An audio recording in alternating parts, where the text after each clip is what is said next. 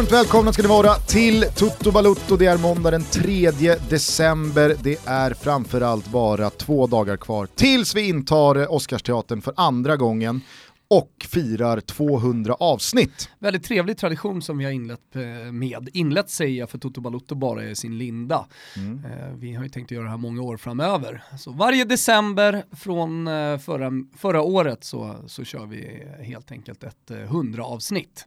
Det finns några biljetter kvar, vi vill inte pusha liksom allt för mycket ner i halsen på er, men vill man vara där, och det tror jag att man vill, mm. jag tror så här i alla fall, man kommer inte ångra sig om man går dit. Det kommer man inte göra. Vilken jävla skit det här var då kommer ju ingen säga Nej, när man går ut på Kungsgatan efteråt. Eh, hur som helst, eh, det är även Christian Bentekes födelsedag. Mm, vad har hänt med honom? Vet du hur gammal han eh, är? Eh, ska vi gissa på att Benteke är 27? Han fyller 28 då, idag. Okay. Mm. Eh, så det var en bra gissning. Det jag däremot liksom tänker på eh, när det gäller Benteke är ju vilken liksom kvalitetsmässig usväng hans karriär tog. Men var det inte lite såhär Benteke, Lukaku, Lukaku, vem är egentligen bäst? Ja, exakt så. Ja. Exakt så. Eh, och... och... det var aldrig solklart, även om någon alltid har hållit Lukaku så var det inte så att opinionen var 100% på en, eh, den ena eller den andra sidan här, utan det var ganska 50-50 måste man ändå säga. Ja verkligen, och då ska man ju komma ihåg att fram, tills dess, eller fram till dess att eh, Lukaku gick till Manchester United mm. så hade ju han emot sig att liksom säga jo jo men han har gjort det bra i Everton mm. eller West Brom och Chelsea vill ju uppenbarligen inte använda honom eh, fullt ut och vad är egentligen andel, alltså belgiska nivån och sådär. Så att på, på, fram till eh, dess att han eh, hamnade på Old Trafford så hade ju inte han liksom nivån i sig som Benteke eh, inte då hade, utan då var det ju Benteke som var först då till Liverpool och det var ju där någonstans det vände. Mm. För jag kommer ihåg när jag ska inte säga att jag hade överdriven koll på Benteke eh, så länge han var i eh, Belgien. Men när han liksom exploderade i Aston Villa och mm. blev lejonkungen med deras supportrar. För många lejonkungar. Är det det? Ja, det är alldeles för många lejonkungar. Vad finns det? det är, Batistuta är väl uh, ja, the är, Lion King? Ja, jag tycker det ändå. Ja. Och sen så har ju Zlatan börjat då claima lejonet, även om han aldrig har kallats för lejonkungen, men han har ändå börjat claima, liksom Mauri Cardi som gjort en lejon på hela ryggen. Men lejonkungar, eh, du har ju, eh, vad heter han, spanjoren, som var Jove, Llorente. Jaha, ja ja. ja, Där har du en till lejonkung. Fan snygg han är alltså. Ja, men ja, jo, han har ju någonting Um, det finns ju gammeldags många... eh, på något sätt i Precis. utseendet. Och vet du vad som, vet du vad som verkligen... Det ser också ut som en gentleman. Vet du vad som gör det där gammel, liksom gammeldagsa utseendet? Frisyren? Nej, den alltså att frisyren är produktfri. Det finns ju ruskigt många eh, fotbollsspelare där ute som försöker sig på en produktfri hårtillvaro mm. som inte flyger. Ja, du har ju Mimo Crescito till exempel. ja, ja, men, eh, Pepito liksom. Rossi. eh, Erik Dyer, ja. eh, alltså, och Antoine Griezmann, ja. har ju, han har ju brottats med väldigt många olika frisyrer de senaste säsongerna. Känns nu som han aldrig riktigt har landat ändå. Ja, men nu så kör han ju typ en produktfri så här. Jag, jag, jag klipper bara till och så låter jag det vara. Så, liksom, nu, nu ska jag se mogen ut. Mm. Flyger inte riktigt.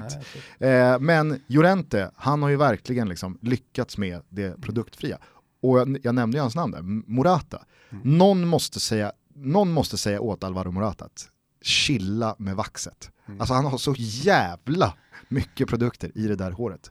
Eh, nej men eh, när, när, han då eh, liksom tog Premier League med storm och breakade i Aston Villa för den, den stora publiken så kändes det ju, liksom, det kändes ju logiskt när Liverpool öppnade plånboken och hostade upp de pengarna de gjorde för honom. För då kände man ju inte som man kanske gjorde när, ja men låt säga när eh, Liverpool i somras då köper en eh, Shakiri. Då är det så här, ja, bra spelare men han kanske snarare är i det här laget för att eh, rotera, alltså spela när det, när det roteras där längst fram och han kanske inte är värvad som topp-topp-spelare. Speciellt eftersom Salah fanns på den positionen tidigare. Nu har, de ju, nu har ju Jürgen Klopp gjort om lite och spelar Salah som nia, falsk nia och Firmino lite släpande och sen Shakira ut till höger. Ja precis, utan när Liverpool köpte Benteke så var ju känslan att det här kommer vara deras bomber i många år framöver och mm. det här är spelare som ska ta Liverpool till nästa nivå. Hände ju inte riktigt eh, och idag återfinns han ju eh, i eh, Crystal Palace. Eh, mycket skadad ska ju sägas, mm. men annars så är ju liksom det, sammantag, alltså det sammanlagda intrycket av Bentekes tid i Crystal Palace att han inte kan träffa en laggårdsdörr från två meter. Det är inte så att man har eller kommer fingra på Benteke i fantasyn. Det är så jävla sjukt också för att är det, någon som, alltså är det någons omdöme och rykte som borde gynnas av att vara lagkamrat med Alexander Sörlott mm. så är det ju Benteke. För alltså Sörlott är ännu, det är, det är en ännu större målsumpare. Han har, väl, han har inte gjort mål än. Eh, men det Inget blir... som jag har noterat i alla fall. Ja, men har du sett några matcher med Crystal Palace mm. och Sörlott? Alltså där är det också så här, eh, man ska nog inte slå sig för bröstet eh, allt för mycket och säga att man hade dunderkoll på Sörlott innan han gick till Crystal Palace, utan det kom ju också som en jävla chock när då, aha Crystal Palace köper eh, norrmannen Sörlott från Mittjylland för typ 170 miljoner. Det norska arvet är starkt på stor, i Storbritannien. Ja det är det ju, verkligen. Eh, men Sörlott håller ju på att fläcka ner det här. Ibland, ibland blir det lite sådär, jag kommer ihåg man pratade länge om italienare i Spanien, eller spanjorer för all del i Italien, det funkar inte. Eh, vem var det som var den eh, nästan eh, spelare man alltid gick till eh, för att beskriva att eh, en spanjor inte kan spela i Italien? det var var det Mendieta? Mendieta var det ja, som köptes för miljarder höll jag på att säga, men i alla fall dåtidens pengar. Eh, extremt stora summor till Lazio. Ja exakt. Då blev han väl världens dyraste. Ja. Sen hamnade han i Middlesbrough. Sen hamnade var han i typ inte ens bra. nej. Minst jag i alla fall. Nej, nej. Eh, nej men eh, det, det, det är spännande det där att Sörlott och Benteke utgör ju liksom en anfallsbesättning i ett lag Visst kan man räkna in kanske Wilfried Sado som en renodlad anfallare, men jag gör inte det och om man då inte gör det, nej, jag har ju svårt att, jag har svårt att hitta en annan klubb nej. som huserar två så tydliga målsumpare. och det, det, alltså det, det, är så trist att det blev så med Benteke. Mm. Alltså ja, men... Det är hans, vi pratade ju om legacy ja. förra eh, veckan. Om inte Benteke gör någonting åt det här, ja, då kommer man ju minnas Benteke som ja liksom, en av de största sumparna någonsin. Ja, sen, samtidigt så är känslan att det blir någonting utanför Europa nästa gång för Benteke. Tror du? ja. Känns, han känns hemmakär. Det känns, ja, det känns som att han liksom säger, nej vet du vad, nu åker jag hem till Genk. Men du, jag landar lite med Mendieta. Uh, när han gick till Lazio så var det ju typ som om Modric skulle ha gått till, ja men, uh, han var ju på väg till Inter. Det var, det var ju så upplyft Mendieta var på den tiden. Fan vad stark Romfotbollen var at the time. Ja. Alltså tidigt 2000-tal. Lazio hade precis vunnit ligan, Roma hade precis vunnit ligan. Ja. Fan, vilka, vilka lag de hade. Ja, vilka lag de hade. Eh, hörni, eh, det har ju spelats en hel del fotboll den här helgen. Kanske främst igår då. Mm. Derby-söndag i England och jag misstänker att det kanske är där du börjar. Uh, nej, uh, vi gör väl så, Kimpa vissla här. Att vi uh, startar i Italien, på Stöven där jag vill hylla gnuggaren Francesco Caputo. Det kanske är lite annorlunda, men det är ju så. Han är en riktig krigare. Som... Börjar i Empoli alltså? Ja, börjar i Empoli. Han är en riktig krigare som bombat in baljor i Serie B. Men som nu då, under sin första riktiga säsong i Serie A, 31 år gammal, fortsätter att liksom gnugga vidare och stänka in baljer. Han gjorde sitt sjunde säsongsmål i kryssmatchen mot Spal, och jag vet inte mer, men jag smälter för en sent blommande Bomber di Razza. De är allt färre nu för tiden. Mm. Juventus gjorde slarvsylta med en hel stad, 3-0 mot rivalen, dessutom i Florens eh, och nu är goda råd dyra för Della Valle och Corvino som chefar över det här laget. Stämningen är just nu extremt spänd och snart briserar något kraftigt i renässansens vagga. Inte Roma var annars stormatchen som eh, verkligen levde upp till förväntningarna. Är det inte märkligt hur svårt det ska vara för en hel liga domare att hitta en solklar straff? Det blev i alla fall till slut delad pott och eh, bland annat ett klassmål av Icardi samt ett av Cengiz Ynder satte prägel på den här matchen, förutom då domarnas usla bedömning. Det var alltså Roma som skulle haft straff. Vi mm. kanske återkommer till den. Ikväll gör Atalanta Napoli omgången komplett och om inte Vesuvios söner löser en seger är det alltså redan i den 14 omgången tvåsiffrig poängskörd ner till tvåan för Juventus. Anmärkningsvärt. I England fortsatte City utan Agüero sin förlustfria svit i ligan genom en enkel seger mot Bournemouth. Skarpt läge således för ligakonkurrenterna. Nu ska vi inte använda för stora ord om Manchester United, någon konkurrent i toppen är de ju knappast. Om man ska vara helt ärlig befinner de sig i en rafflande Europa League-kamp med Watford, Empoli, Bournemouth och Leicester. Kanske ska man då vara nöjda med pinnen borta mot Southampton och se den som något positivt. Jag vet inte med dig Gusten, eller Manchester United-supporterna. Man slog ju Juventus på ja. det gjorde man. Ja. Ja. Till söndagen, Chelsea öppnade kalaset med en viktig 2-0 mot Fulham innan derbybonanzat började. Arsenal vann och bytte plats med Tottenham. Det stora tycker jag dock var att Arsenal fick en karaktär på sin hemmaplan. Eh, nu sitter vinden i ryggen och man blickar inte bara uppåt i tabellen. Arsenal-supporterna har börjat längta. Framöver kommer ingen frivilligt lämna säsongskorten på köksbordet och välja andra aktiviteter när Arsenal spelar fotboll. Nu längtar hela den röda delen av norra London efter nästa hemmamatch. Emirates har fått liv. Liverpools sena vinstmål var bland det märkligare man har sett på en fotbollsplan va? Fan, tänk att det fortfarande görs mål på toppnivån som man aldrig har sett tidigare, vill jag få återkomma till. Origis fundamentala 1-0 som håller spänningen kring ligatiteln vid liv. I Spanien fick JG hoppa in för Alaves i den 92 minuten, såg du det Gusten? Nej. Nej, en minut senare hovade han in ett gult kort och så var det med den saken. Hur som helst så blev det kryss eh, mot Sevilla, vilket betyder att Barcelona tog över serieledningen igen. Avståndet dock, ner till Real Madrid, som också vann, eh, på femteplatsen är bara fem pinnar. Så vi konstaterar att La Liga lever. Från övriga världen noterar vi att PSG inkasserade första poängförlusten borta mot bordet, men vad gör väl det? De leder ändå ligan med 14 pinnar ner till Montpellier. Jo då, Cabron Diego Armando Maradona var ute och svingade, bokstavligen. Hans Dorados di Sinaloa missade uppflyttning till högsta ligan i den sista omgången. Vilket fick den gamla tia att bli helt vansinnig när bortasupportrarna häcklade honom. Det blev både en och annan sving vet du. Och så noterar vi också avslutningsvis att Sampa Larsson såg till att hans Feyenoord vann mot PSV via 2-0 målet. Eh, det blev till 2-1 i den här matchen. Eh, Eindhovens första poängtapp faktiskt i ligan den här hösten såg Sampa till att lösa. Kul va? Mycket roligt. Mm. Börjar man där så är det ju verkligen eh, glatt att kunna konstatera att i alla fall en av bröderna Larsson eh, spelar fotboll. Mm. Danne har ju hamnat lite snett, eh, boxen kan man väl säga. Mm. Eh, men eh, som vi alla vet, det är sekt virke i den björken. Han ja. kommer fighta sig tillbaka, vad det lider. Var Framförallt är det ju kul att se en svensk i målprotokollet. Alltså det plingar in en del flashscore-pling under eh, en ligahelg. Mm. Men eh, det är väldigt sällan som det är svenskar. Eh, så att eh, ja. det, man, man, behöver liksom inte gå igenom massa matcher för att hitta alla svenska målskyttar. Det är inte så att ett sånt här svep skulle kunna ha någon slags svensk målkoll. Ja, det är väl i Tyskland någonstans det händer. Quaison gjorde mål nyligen mot Dortmund, ja. Ludde Augustinsson gjorde mål, Sebastian Andersson petade väl in två tror jag till och med i Zweite här i helgen. Jo men det är också Zweite.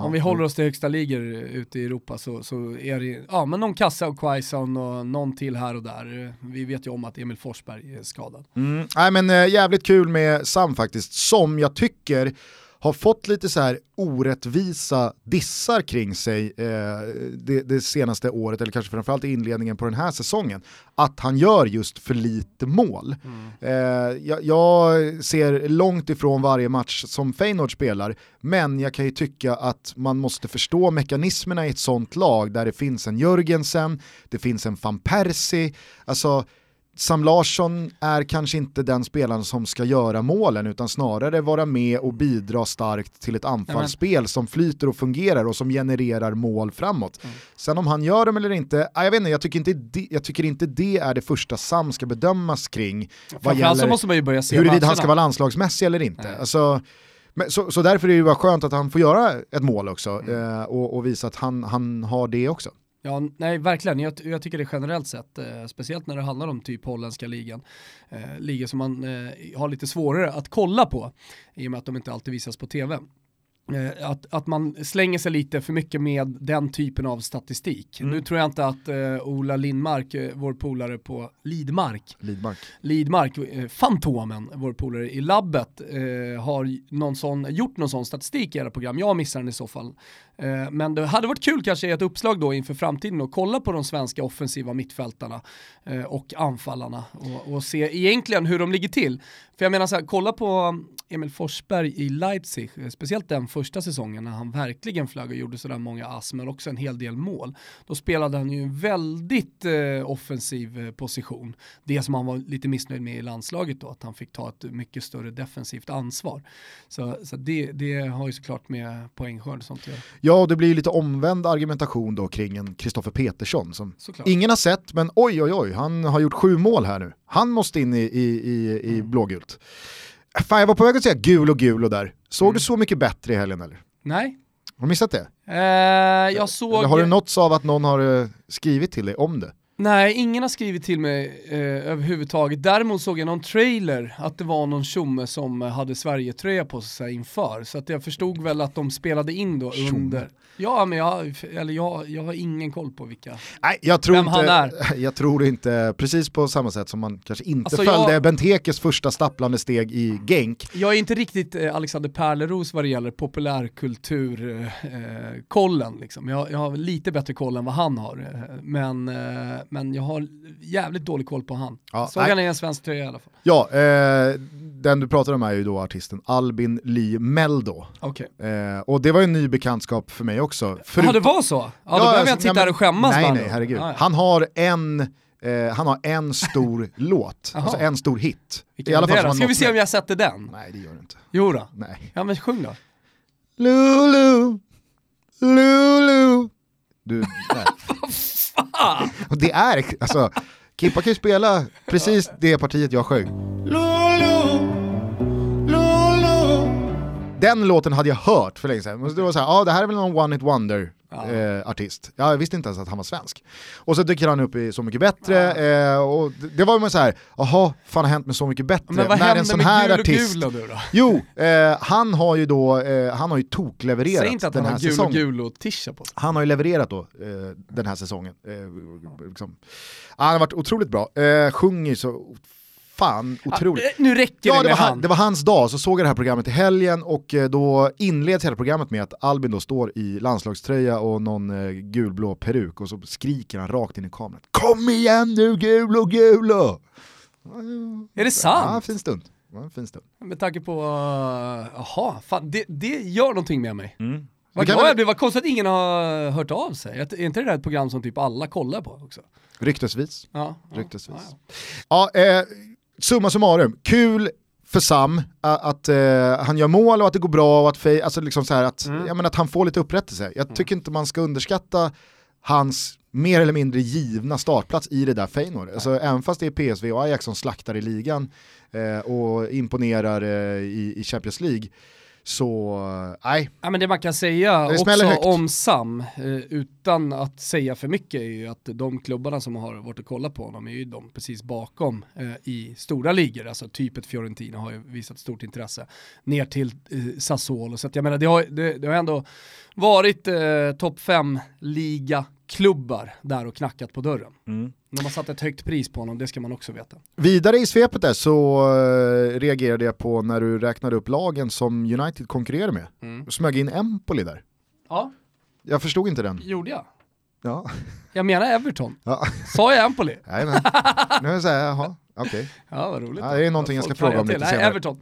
Ja, nej men eh, alltså, det, jag, jag tycker att, jag, så här, det är fan orättvist och ovärdigt alla andra klubbar i Premier League om man börjar med att prata om den här Premier League-omgången i Manchester Uniteds jävla Nej, det behöver vi absolut inte göra. Konsta låt oss konstatera det bara, att de, de slåss om en Europa, Europa League-plats och kommer göra så den här säsongen.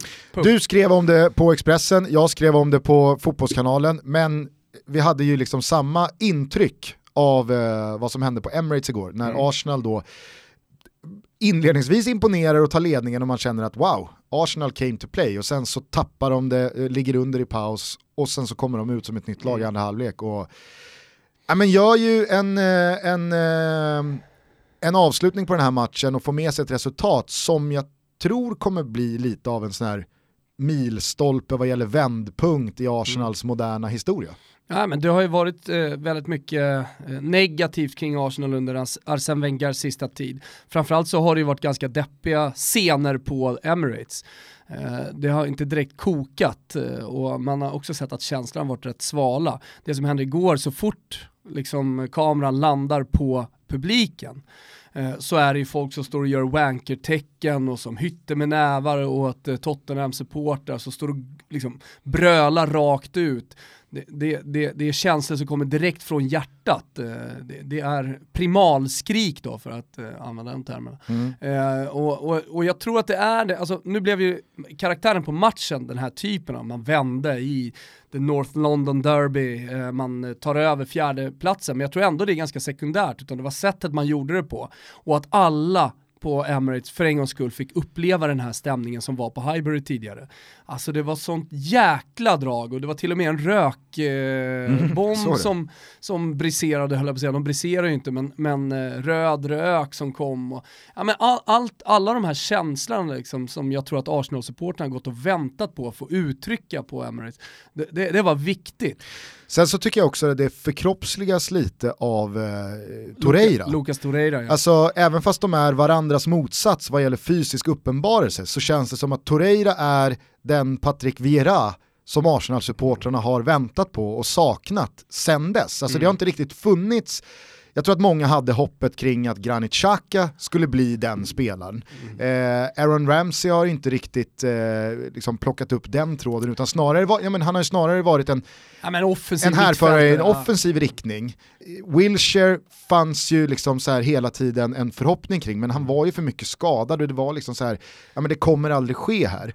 Eh, Torreira känns ju som en match made in heaven, både spelmässigt men kanske framförallt då i relationen till supportrarna. Alltså han, han är den här spelaren som låter spelet tala och även fast han är i miniatyr, satan vad liten han är. Alltså. Ja han är väldigt liten.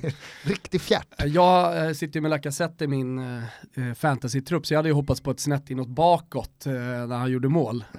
Men han satte den själv och han gör faktiskt väldigt bra också, han bryter igenom. precis innan mm. så hade han ett skott som gick precis utanför krysset. Så han, liksom, han var på gång i den här matchen, men han var ruskigt bra i spelet också. Men när jag kollar på det här Arsenal laget. Så något som slår mig, som jag var inne på i krönikan också, är att det finns väldigt många spelare att älska. Så skulle du fråga Arsenal-supportrar så skulle du få en massa svar på vem som är din spelare i, eh, i, i, i det här laget. Alltså, det är klart att många kids kanske väljer Aubameyang, men där finns också Lacazette eh, och, och där finns framförallt Lucas Torreira som jag märker också då har, har vunnit väldigt många Arsenal-supportrar. Kanske speciellt då det äldre gallret, det du är inne på. Alltså de som har saknat en, en härförare på mitten och en som verkligen håller i, i spel och sätter tempo. Eh, och sen har jag, jag har ju sett honom i, i Sampdoria tidigare, vet ju vad han kan. Men man har ändå varit lite skeptisk, kommer han kunna göra det i Arsenal? Mm. Eh, Nej, och, har, och det, det, är ju det han har visat nu under hösten och med det här självförtroendet också våga ta avslut, våga bryta igenom. Där har han inte varit tidigare riktigt. Nej men han har ju också smugit in eh, och, och liksom startat, eh, tagit steg för steg. Alltså mm. första, det var väl första fyra, fem, kanske rent av sex ligamatcherna som eh, Emery startade med Guendouzi på mitten och att Precis. Torreira fick hoppa in. Eh, men han har liksom långsamt vuxit in i kostymen nu gör han också sitt första mål, ett sånt mål i en sån match mot den motståndaren. Det gör ju att jag tror att ännu fler eh, tenderar att ta honom till hjärtat. De som redan har gjort det, mm. deras kärlek växer ännu mer. Men jag skulle säga det att även fast det här var, jag tror att det var Arsenals 19 raka match utan förlust, mm. så är det ju fortfarande en höst som inleds med två riktiga käftsmällar. Först har man inte en suck mot Manchester City och sen så torskar man även mot Chelsea.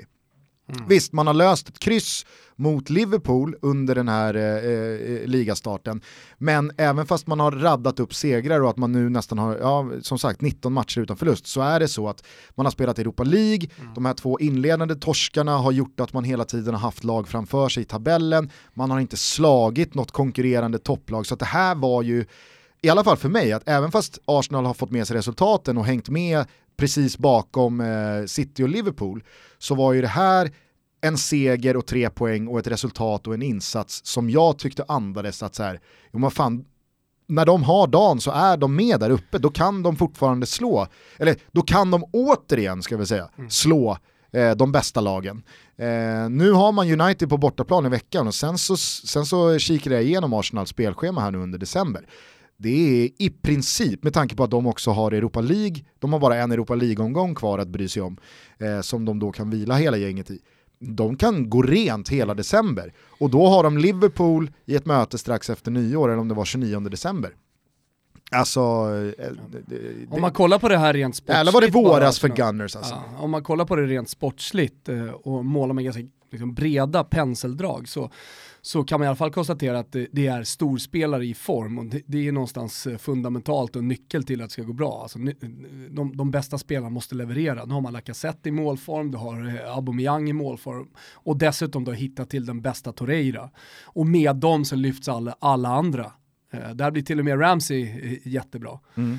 Så nej, jag, jag, tror, för de håller sig skadefria här nu så, så kan de nog då komma till den viktiga vinterbollen med ganska mycket av den här vinden jag var inne på i, ryggen. Det pratas ju väldigt mycket om att Aaron Ramsey kommer lämna för Real Madrid i januari, men fan vet om inte Emery eh, hinner ångra sig här nu under ja, december. Så hittar han någonting annat, om han lämnar så kanske han hittar något. Vet du vad som fint. i alla fall eh, känns lite trist och ovärdigt, om man nu ska hitta en sån grej eh, med dagens Arsenal? Det är att Peter Käck i och med detta håller på att fejdas ut ah. och att hans liksom, karriärsavslut kommer bli så jävla eh, liksom, deppigt. Mm. För att han stod ju under inledningen när man då åker på några förluster, man kanske inte imponerar jättemycket. Sen skadar han sig, Bernt Leno har stått sen dess och gör det bra. Jag tycker han är liksom, Leno imponerar. Herregud ja. Han var jättebra i Tyskland innan, så man förstod ju att, att Arsenal på med en sån här modern övning, att ha två stycken målvakter som ligger nära varandra så att de verkligen konkurrerar. Mm. Då åker man på bänken efter en sån här skada och Leno levererar. Vi har ju diskuterat det där lite, eh, liksom, om vem som ska spela sinsemellan oss. Och man har ju, man är ju nästan gått och väntat lite på att Check bara ska komma tillbaka. Men eh, nu, nu verkar det tufft. Nu blir det ju kvisten, kanske någon Europa League-fight säsongen ut och sen så vänder alltså, väl han hem alltså, till Tjeckien. Ruskigt svårt, jag måste bara säga det Gustav, att göra den här podcasten där du sitter med nybalsamerat hår Jaha. och så har du de här hörlurarna på dig på tal om att ha frisyr utan produkter.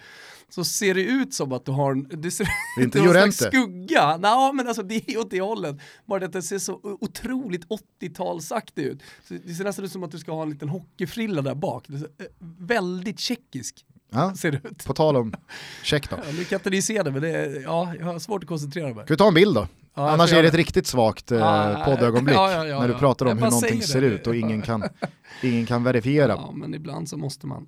Ja, nej men eh, jag, jag, tycker faktiskt eh, att, eh, som jag var inne på, det här lär nog vara en sån här match man går tillbaka till eh, och konstaterar att eh, det var här Arsenal på riktigt visade att man är tillbaka för att slåss i den absoluta toppen av Premier League. Och jag ser heller inte att Arsenal från ja, men det här transferfönstret och framåt också kommer kommer stagnera eller Nej. rent av backa utan eh, jag tycker man sänder en jävla massa fina signaler med dels Emery och dels eh, poängskörden, eh, att man gör det bra i Europa också, alltså även fast det är Europa League.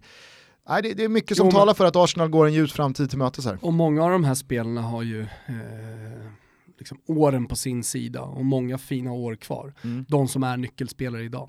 Sen måste jag säga att jag, jag gillar eh, Unai Emery i den här matchen som Alltså det går ju, resultatmässigt så, så är, är man såklart inte nöjd med eh, första halvleken i och med att man ligger under. Men jag menar spelmässigt så tycker jag Arsenal är bra. Eh, och de förtjänar ju att leda. Sen så åker de på två tveksamma mål, det är väl liksom lite halvt offside på Dyer och sån bör nog inte ha en straff. Men Trots det så kan man ju som tränare i det läget ändå vara nöjd med prestationen första mm. 45 och liksom säga, ah, men vad fan vi kör på, vi, det, det, det, kommer, ge det en kvart, 20 minuter till. Han agerar ju direkt och gör två byten och får ju dundersnurr på dem. Så att, jag gillar, jag gillar Emerys eh, matchcoachning. Ja, men han har alltid varit så, han var det i Sevilla också, alltså en modig tränare som, som agerar på, på liksom resultat och hur, vart en match är på väg. Vissa är ju lite mer ja, men vissa gnuggar på, ta Mourinho till exempel, han är ju väldigt sen på att eh, göra ett byte i paus bara för att det ser dåligt ut i, i första halvlek. Och det skulle jag säga hör ju till det normala, att vara den typen av tränare, att vänta in. Så att, uh, nej, jag gillar Emery.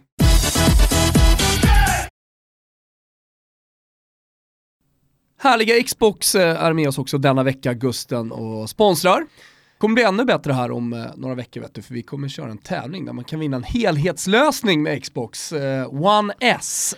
Vet du, vad- vet du vad man vinner? Man vinner Tutto Balutto. Man vinner Toto Valuto, extra handkontroll och man vinner också Game Pass. Har du koll på Game Pass? Ja, nej, men du pratade lite om Mm. det förra veckan då, när man får access till eh, En massa spel. en massa spel. Mm, som en abonnemangstjänst. Du, eh, de har också någonting som heter Xbox Live Gold. Det misstänker jag att du har sämre koll på. Ja, berätta, vad är det? Mm, nej, men det är en tjänst som innehåller en massa godis vet du. Det är en så bra tjänst att jag inte riktigt vet vad jag ska göra! För 79 kronor per månad alltså, så får man som användare möjligheten då till detta. Vad är det? Online-spel, man kan spela online med eh, sina polare, eller okända gamers från hela världen. Och så kan man chatta, trashtalka, eller bara ge tips på hur man dribblar bäst i Fifa. Det skulle ju du behöva. Man får också Games with Gold, alltså fyra spel varje månad kostnadsfritt. Varannan vecka får man två nya spel och dessa finns tillgängliga så länge man är Live Gold-medlem. Fan vad man lär sig bra grejer om Xbox, hela maskineri allt och heller. utbud. Deals with Gold, som live-medlem då får man exklusiva rabatter på spel, tillägg och annat i Xbox Store. Så att, eh, det här är någonting för alla Xbox-användare. Eh, alla som har en konsol som fortfarande inte har upptäckt det här. Eh, det är bara att gå in då på xbox.com och så klickar ni er vidare för att läsa mer. Tack till Xbox för att ni är med och möjliggör Toto Balutto och jag har börjat fundera på tatueringen. Games play best on Xbox. Ja, Sätta den på vaden eller något. den är fin. Tack Xbox.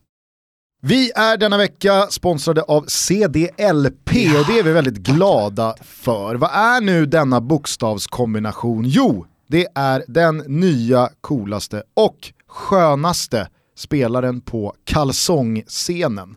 Alltså det finns ju eh, material, det finns resår, det finns eh, loggor, det finns liksom sömmar, det finns lappar som skaver på en Ja, jäkla massa väldigt olika mycket. kalsonger. Väldigt mycket som gör skillnad på en kalling och en kalling. Mm. CDLP har ju tagit fram kalsonger som, är de felfria? Mm, nej, jag har ju nu använt ett tag eh, och tycker, jag tycker väldigt, väldigt mycket om mina CDLP-kalsonger. Nu har jag tagit steget längre Gusten och börjat köra Long Johnson. Bokstavligt talat. Långjarlingarna! Eh, och nu när det börjar bli kallt, så skönt mot benen. Jag, jag är en sån här person som tycker att underställ och långkalsonger brukar vara rätt jobbiga, men de här sitter så bra och det är så skönt material att man knappt tänker på dem. Man eh, vill, fröjd man vill gå runt Exakt. dreperad i CDLPs eh, både kalsonger och långkalsonger. Eh, dessutom så gör CDLP strumpor i bambu.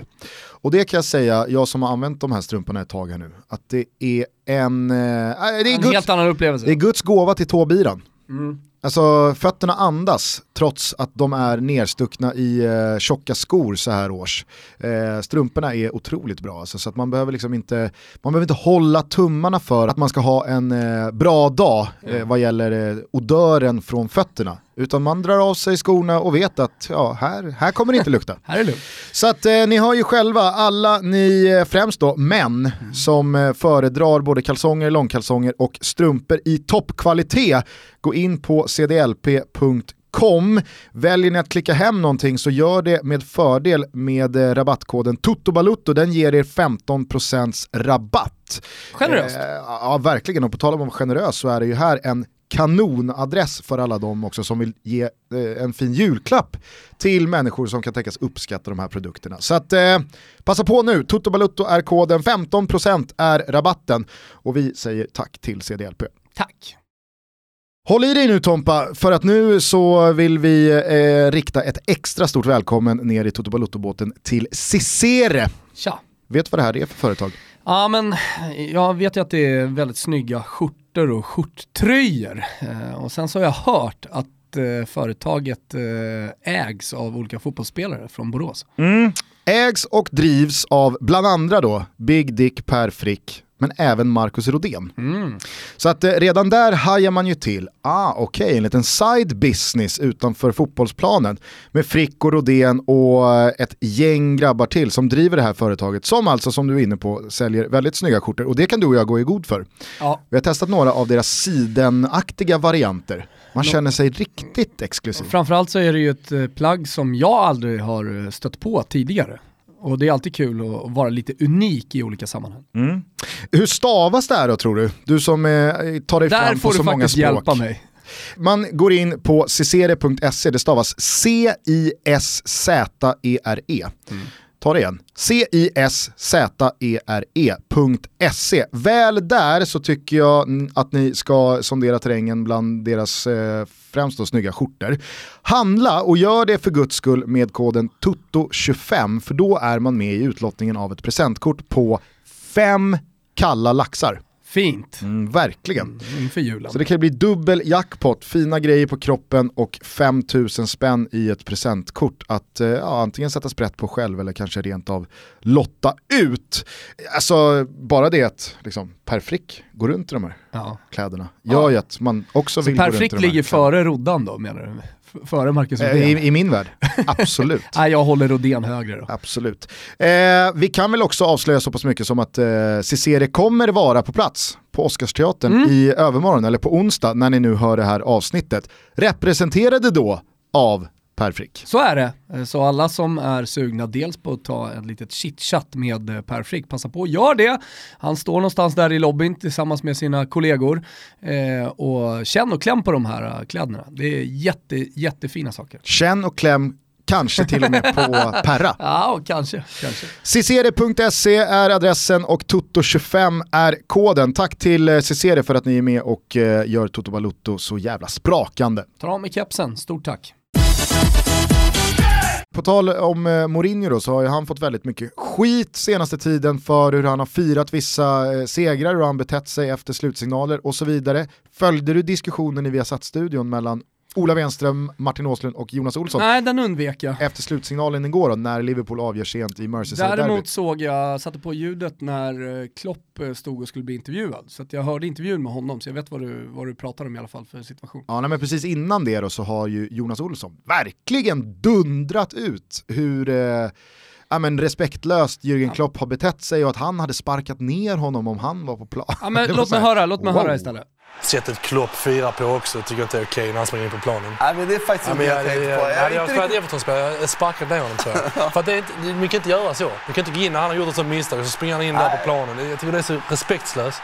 Ja det är starka ord det där. Ja, Åslund är ju lite mera så här, ja men vad fan, Alltså man måste ju få fira ett sent mm. avgörande eh, och sådär. Sen så... Eh, han har som... ju sitt hjärta i södra Europa, Martin Åslund, så han har ju lättare att gå till de känslorna medan Jonas Olsson då har väl eh, sitt hjärta från, eh, i England om man pratar om fotboll. Ja.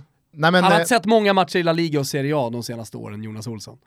Nej, det är nog sant. Ja. Hur som helst, så som du är inne på så eh, ställer sig Klopp vid intervjumikrofonen lite senare och då ber han ju om ursäkt eh, för hur han betedde sig och eh, liksom känslorna tog över och jag, vill, jag sprang bara ut, det bara hände. Jag, jag... Nej men det var det jag tänkte säga, alltså han, jag tycker att han ändå är ärlig och stor i den intervjun. Ja, men det är ju där nästa liksom, då, eh, lager i den här situationen kommer.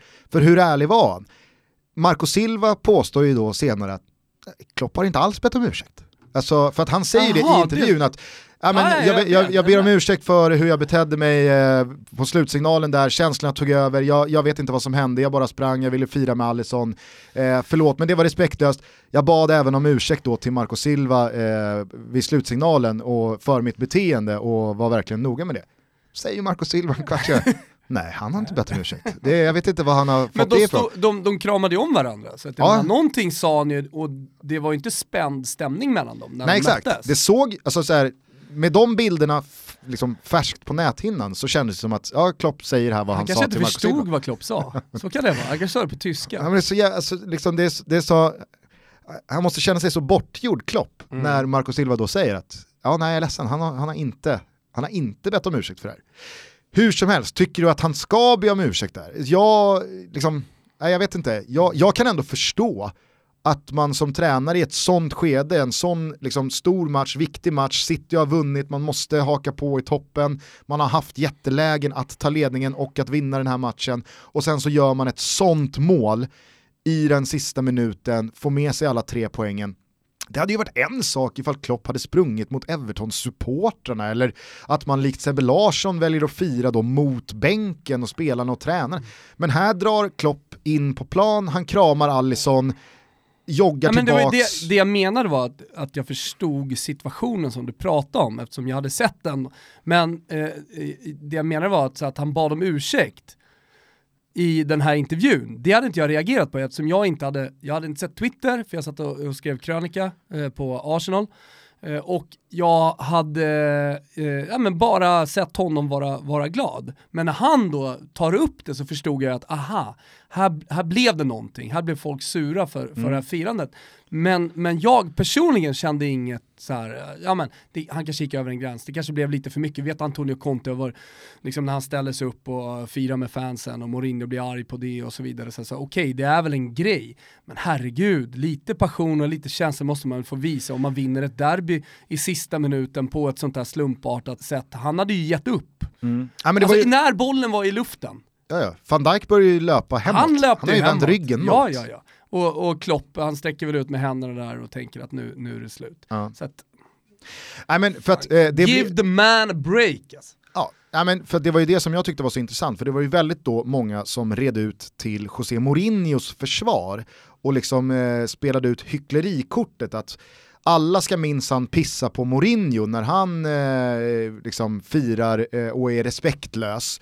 Men när den sköna, härliga Jürgen Klopp som alla Mm. älskar, när han gör det, då, då är det okej och då, då ska man liksom eh, vifta bort det och tycka att ja, men fan, det är väl härligt med känslor jag kan förstå det på ett sätt, samtidigt så tycker jag att det är en stor skillnad på att man som i Klopps fall firar med sin spelare eller liksom sina tränare, även fast det är liksom på ett väldigt eh, liksom känslosvallande sätt och han lämnar sitt tekniska område och springer ut på plan trots att matchen inte är över. Sådär. Visst, men jag menar, jag tycker att det är skillnad på att fira med sina egna och att fira Återigen liksom så här, Gusten, återigen så finns det nyanser. Exakt, I det, här det är det jag en menar, att det är ju en viktig alltså, för mig är det en viktig Herregud, skillnad. ja.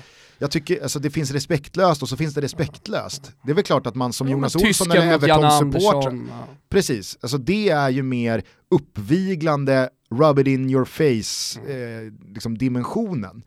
Här är ju Klopp, han tappar ju bara av glädje liksom. Så, ah, jag vet inte, jag, jag kan förstå att det finns de som är så här, ah, när det är Mourinho då är det på ett sätt och när det är Klopp eller någon annan då är det på ett annat sätt.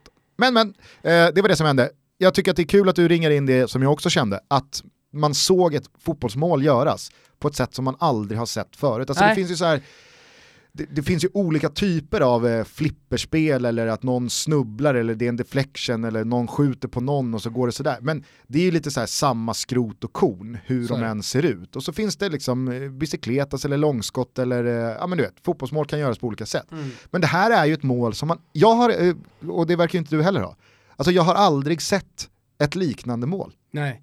Det, Aldrig. det, är det, som, det, det är fantastiskt, man har sett så mycket fotboll eh, i sitt snart 40-åriga liv eh, och gamla matcher och sen så kommer det ett mål som man aldrig sett tidigare. Jag sa det om Zlatans mål också, han gjorde ju ett eh, mot eh, eller mot med eh, Galaxy, man vet ju aldrig vilka de möter, det är inte så att man noterar det. Nej men när, när, när, när han drar en, en spark på en boll som kommer bakifrån och så drar han en volley liksom med sig. Jag kan, inte, jag kan inte minnas att jag sett riktigt ett sånt mål heller tidigare. Nej. Han har ju varit lite unik eh, sådär. Men, eh, nej, men vi har haft några klackmål under den här hösten. Ja men det har man också sett tidigare. Mm. Och sen så väljer man det som man själv tycker. Quagliarella hade något va?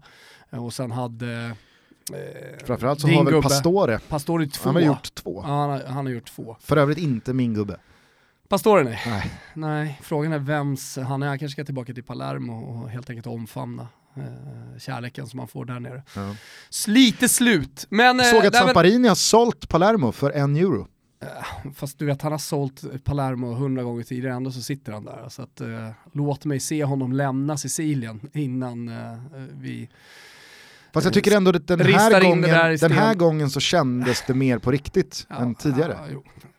Nyanser Gusten. Okej. Mm. Ja. Jag jag läste något citat där den ändå var öppen med att alltså, typ, cashen är slut. Jo, men, eh, det, var, det, det roligaste med Samparini, alltså Palermos president, det roligaste han har gjort, det är inte när han efter en match sparkade en tränare genom att äta en glass, vilket för övrigt är ett helt fel eh, citat. Det är också en sån här story man Ja, inte ska kolla. Ja, jo, nej men så skit i den, låt, låt den vara vad den är. Det är ju Marcus Birros, är liksom go-to italienska ligan, knasiga presidenter. När ska du sparka, vem var det? Det kan ha varit... Eh, Ja men det, ja, det var någon. Ballardini säkert. Ja, när ska, du sparka, när ska du sparka Ballardini? Jag ska bara avsluta glassen. Ja, jag ska bara avsluta glassen.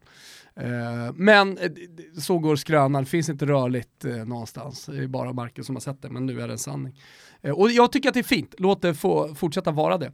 Eh, men eh, det är i alla fall när han under en presskonferens låter meddela hela presskåren och alla som tittar, då är de i Serie A att jag kommer att kliva bort nu, jag ska inte vara president, och jag kommer inte prata om Palermo Calcio överhuvudtaget kommande sex månaderna. Så han är väldigt tydlig med att det, här kommer hända. De kommande sex månaderna kommer jag inte yttra ett enda ord om Palermo Calcio. Silencio stampa. Det, det, är- och jag kliver bort, eh, så jag tror att han så officiellt lämnade eh, presidenttiteln, eh, men det tog ju tre veckor. Sen satt han där på en presskonferens igen och, och bubblade och var arg och, och gormade och sen så körde han bara på. Det blev inga sex månader. Det tycker jag är roligt.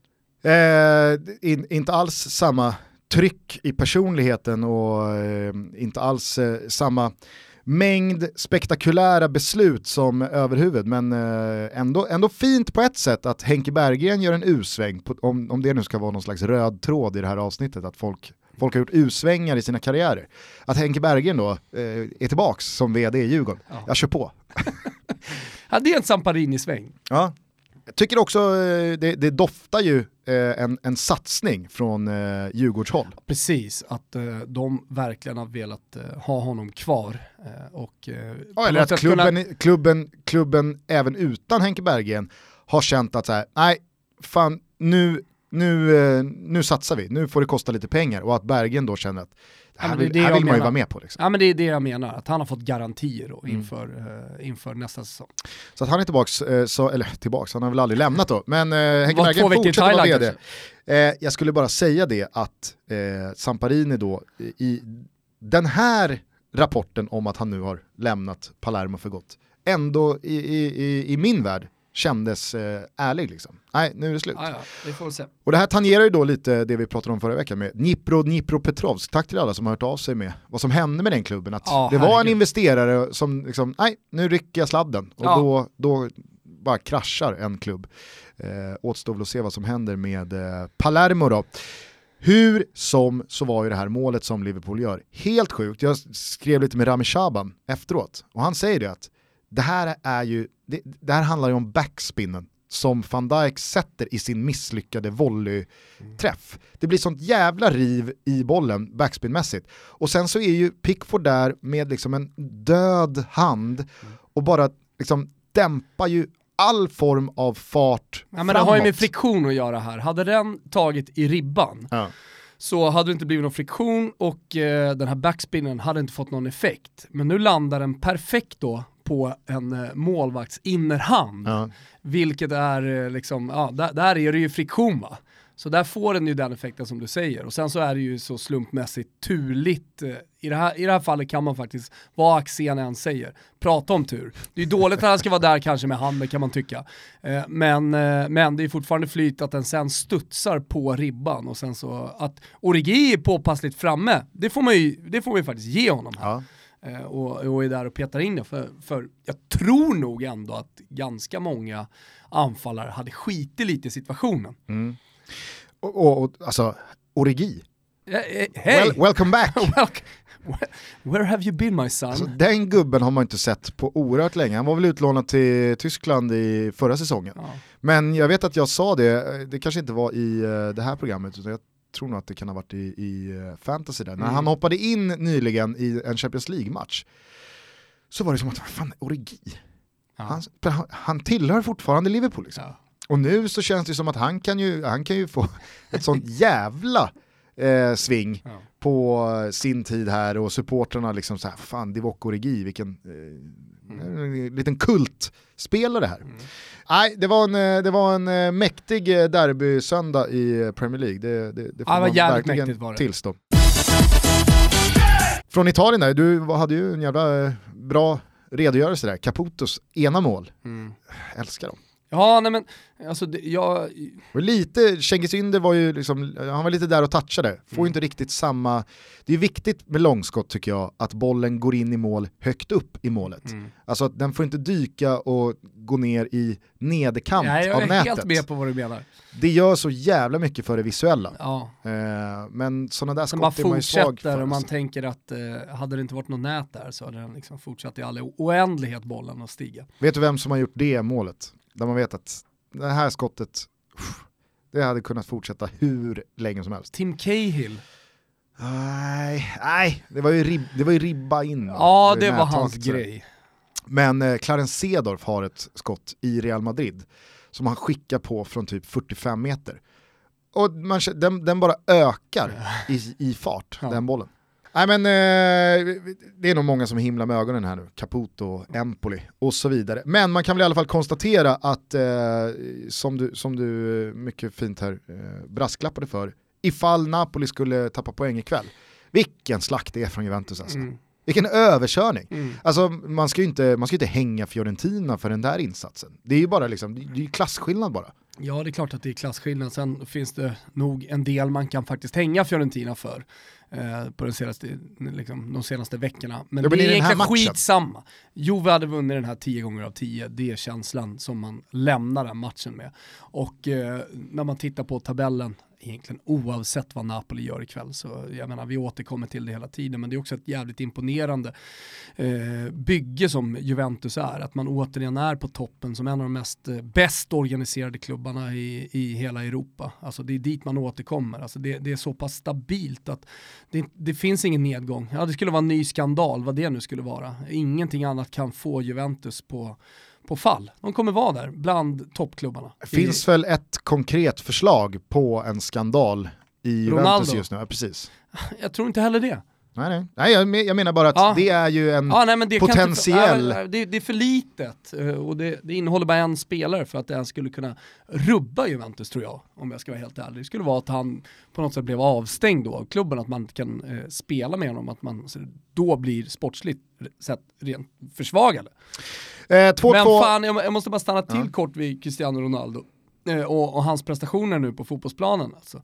Eh, det var någon som skrev till mig eh, i i och med att Ballon d'Or avgörs ikväll Gusten, vet du det? Det har jag stenkoll på. Jajamän, ikväll så presenteras eh, vinnaren.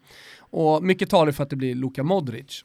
Ja, allt, man, allt talar allt talar. Ja, men det, var någon, det var någon som menade på att han kanske inte är så bra i spelet och, och att Messi är mycket bättre i spelet än vad Ronaldo är.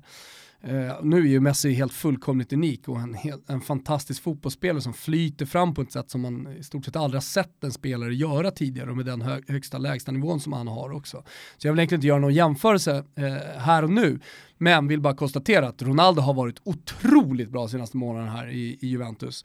Han hade lite problem med målskyttet i början när han kom in, men alltså, och då pratar jag om i spelet, hur viktig han är. Han river hem 7,5 och 8 i Gazettan var och varannan vecka.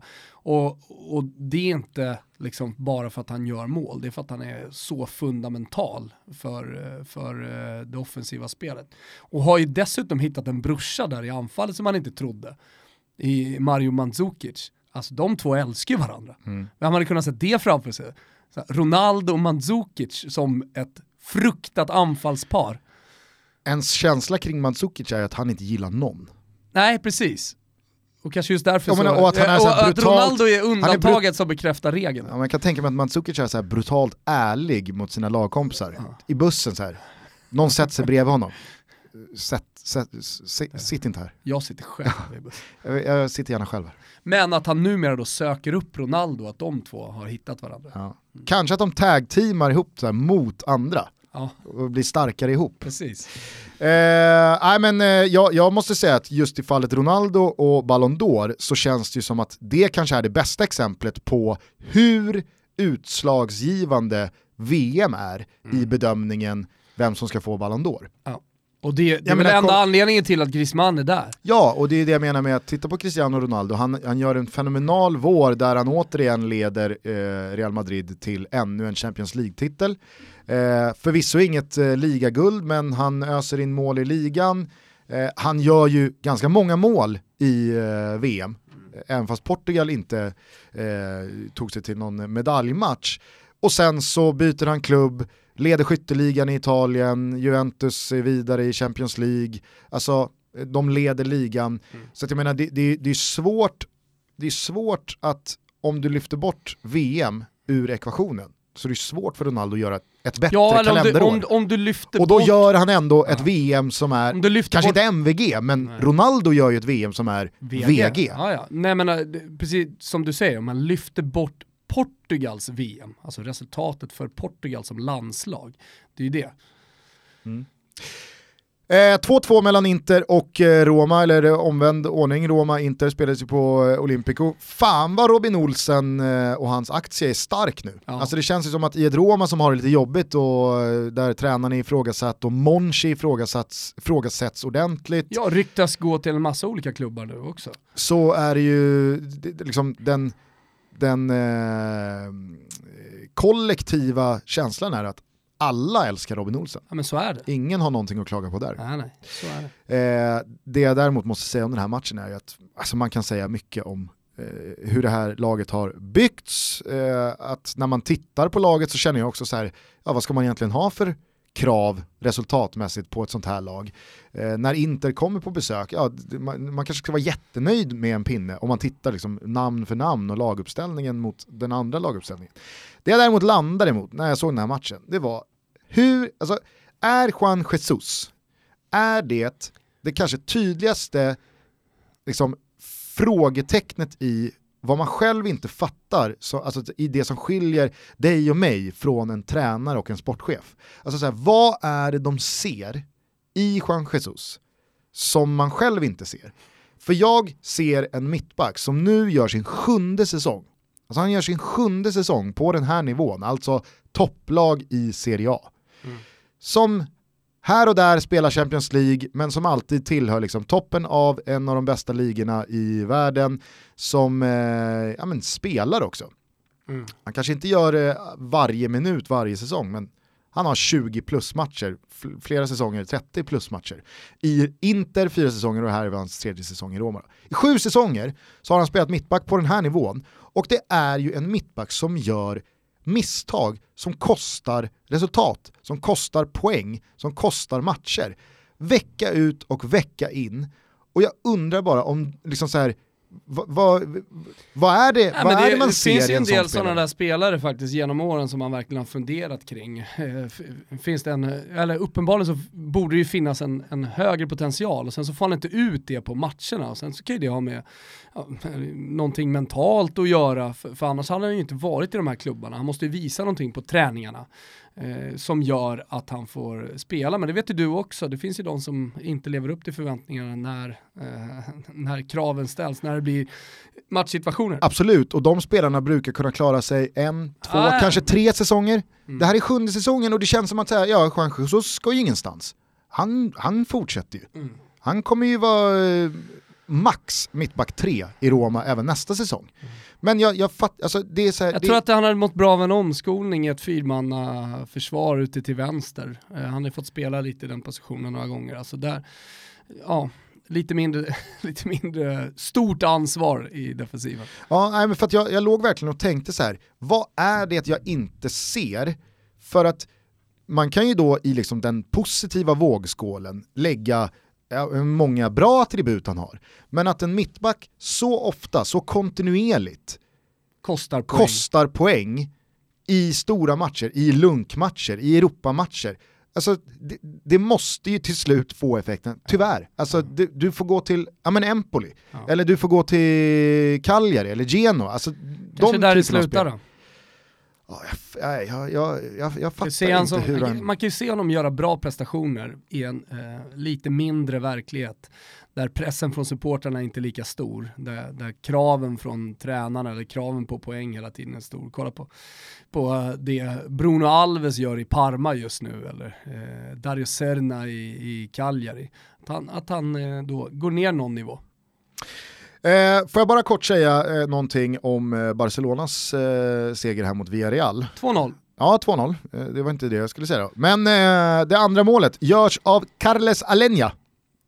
Eh, nu kommer säkert massa eh, Barca-supportrar slå mig på fingrarna här, men vad jag har förstått så var det den första eh, La Masia-fostrade spelaren som gjorde mål för Barcelona på över eh, tre säsonger. Mm. Alltså att, eh, om man kanske inte har tänkt på det jättemycket, men det som under så många år var ett Barcelona som hela tiden fick en ryggrad och en stomme från sina egna led, mm har ju liksom tappat den det grejen Grejen lite. med Barcelona mm. var ju det. Precis, eh, och de hostade ur sig liksom eh, eh, spelare efter spelare, kanske inte liksom så här eh, Xavi, Iniesta och Messi och Piqué-nivå.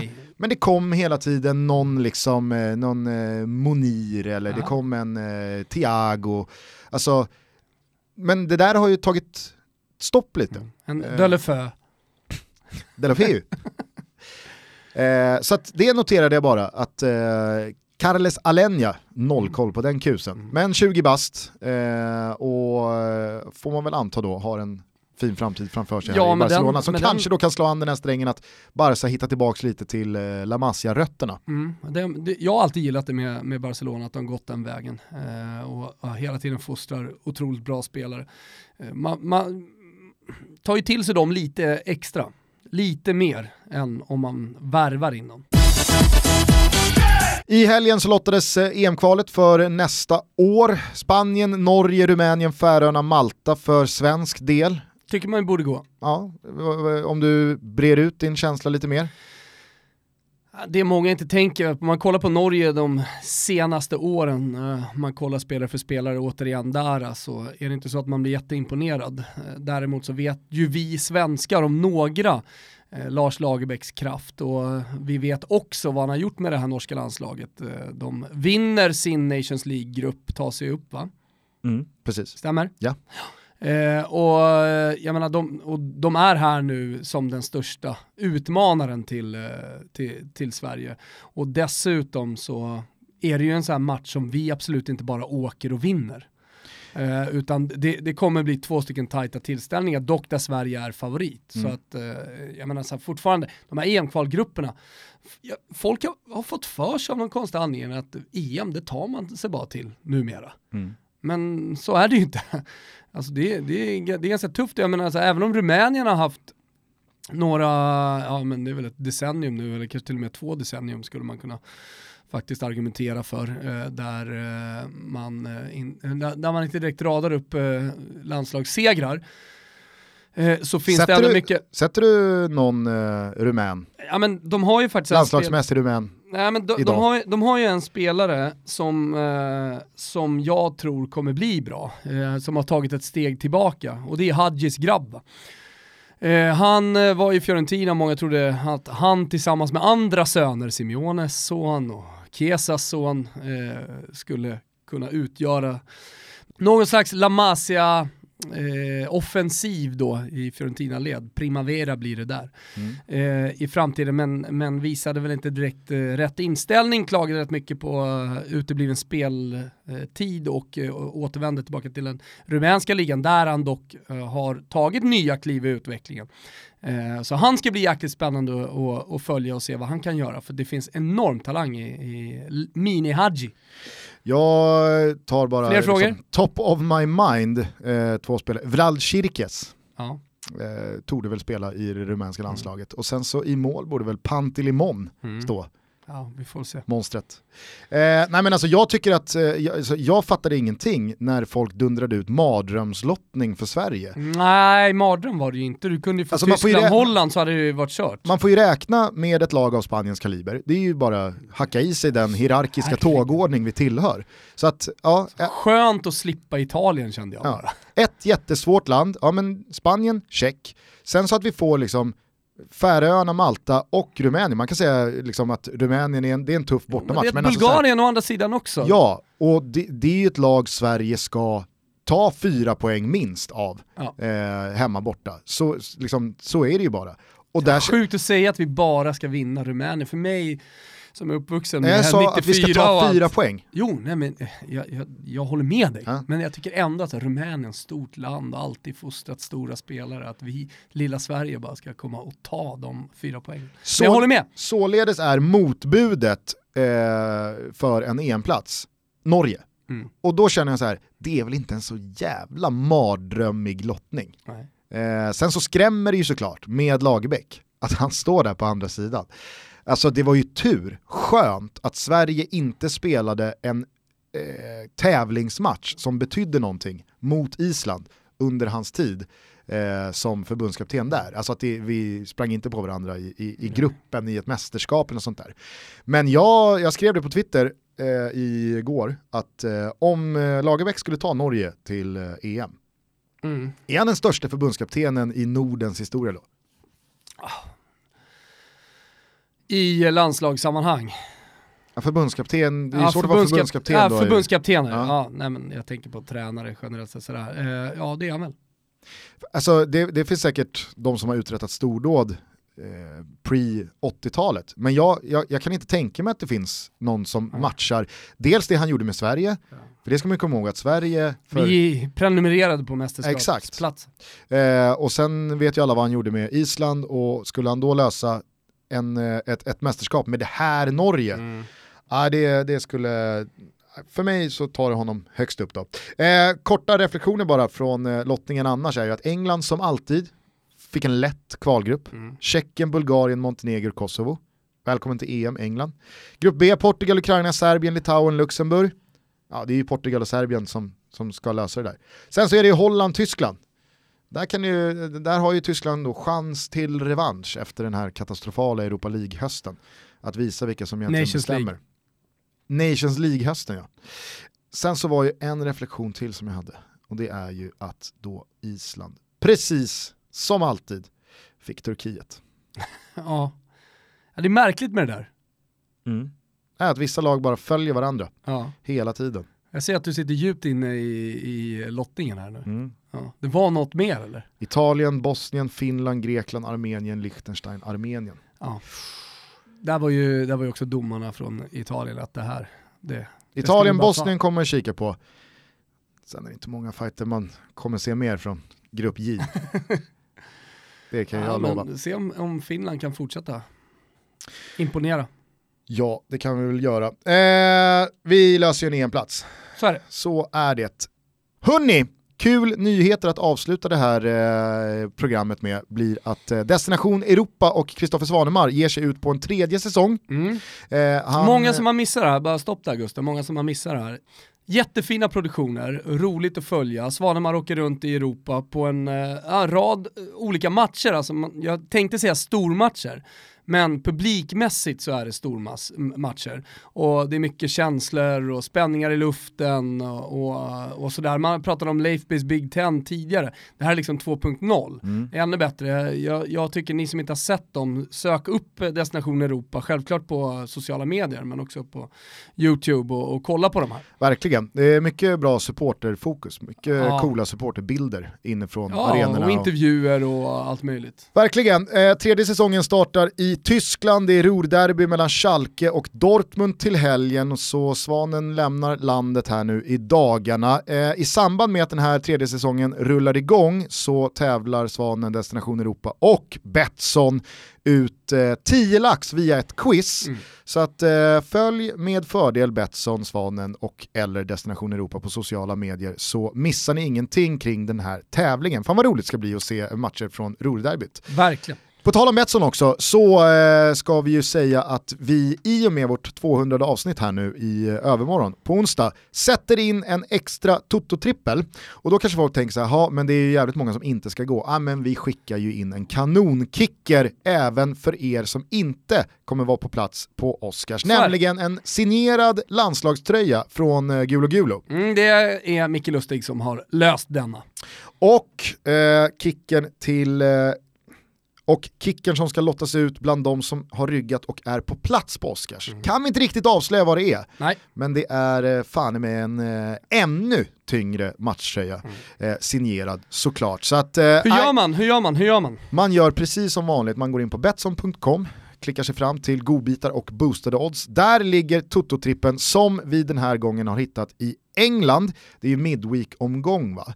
Eh, du och jag tror att eh, Tottenham studsar tillbaka efter den här tunga derbytorsken mot Arsenal och slår Southampton med minst två bollar. Jag tycker ändå att det känns som att Tottenham är lite på gång, trots att man förlorade den här matchen på Emirates. Eh, så jag tror starkt på de kommande omgångarna. Mm. Eh, vi tror att eh, Everton enkelt slår Newcastle hemma på Goodison och sen så tror vi att eh, Mourinho håller nere siffrorna mm. i matchen på Old Trafford mellan Manchester United och Arsenal. Ja men det var också en extrem urladdning för Arsenals del mot eh, eh, Tottenham, eh, vilket då borde betyda, ofta betyder att midweek-matchen när den kommer blir lite lägre tempo, inte mm. samma urladdning. Så ett underspel där. Under 2,5 mellan United och Arsenal, rak seger för Everton mot Newcastle och tvåmålsseger för Tottenham mot Southampton. Det är Toto-trippen, man ryggar den med 148 kronor, man screenshotar in den under hashtaggen Toto-trippen på Twitter. Och alltså så finns det varsina kickers. En som vi tävlar ut bland alla de som inte är på plats på Oscars och en som vi tävlar ut eh, till de som är på plats på Oscars. Det mm. kommer dessutom vara en jävla massa roliga grejer för alla er som är på plats på Oscarsteatern. Så kom peppade, vi och Betsson har, eh, ja men vi kommer maxa den här kvällen. Det kommer vi göra. Och så, så är det ju Toto-cupen som drar igång på fredag va? Ja. Ja. Mycket som händer. Ja det är så jävla kul att, att, ha med Betsson i den här båten. Kul är det också att Strive är med. Eh, det är fortsatt högklassig fotboll från Serie A och La Liga till helgen, så att har ni inte reggat ett konto, gör det här nu för nu börjar matcherna dugga tätt eh, mm. innan juluppehållen. Strivesport.com, ladda ner appen. Nu lyssnar vi på Albin va? Ja, tycker jag. Lulu. Jag måste, lyssna, jag måste lyssna in den här, mm. jag är inte helt med. Eh, hörni, vi ses på Oscarsteatern alla ni som har löst biljett. Totobalotto.se om ni känner här nu de sista skälvande timmarna. Ah, vad fan! Jag går! Jag går. Jag tar med mig brorsan eller syrran eller polaren ja. eller vad det nu är och bara infinner mig på Oscarsteatern. Då ses vi där, annars hörs vi i slutet av veckan. Ta hand om er. Ciao tutti. Ciao tutti. Lulu, for a minute baby, got me believing in you. Lulu, Lulu, anything you say or do, Lulu, anything you'd ever say.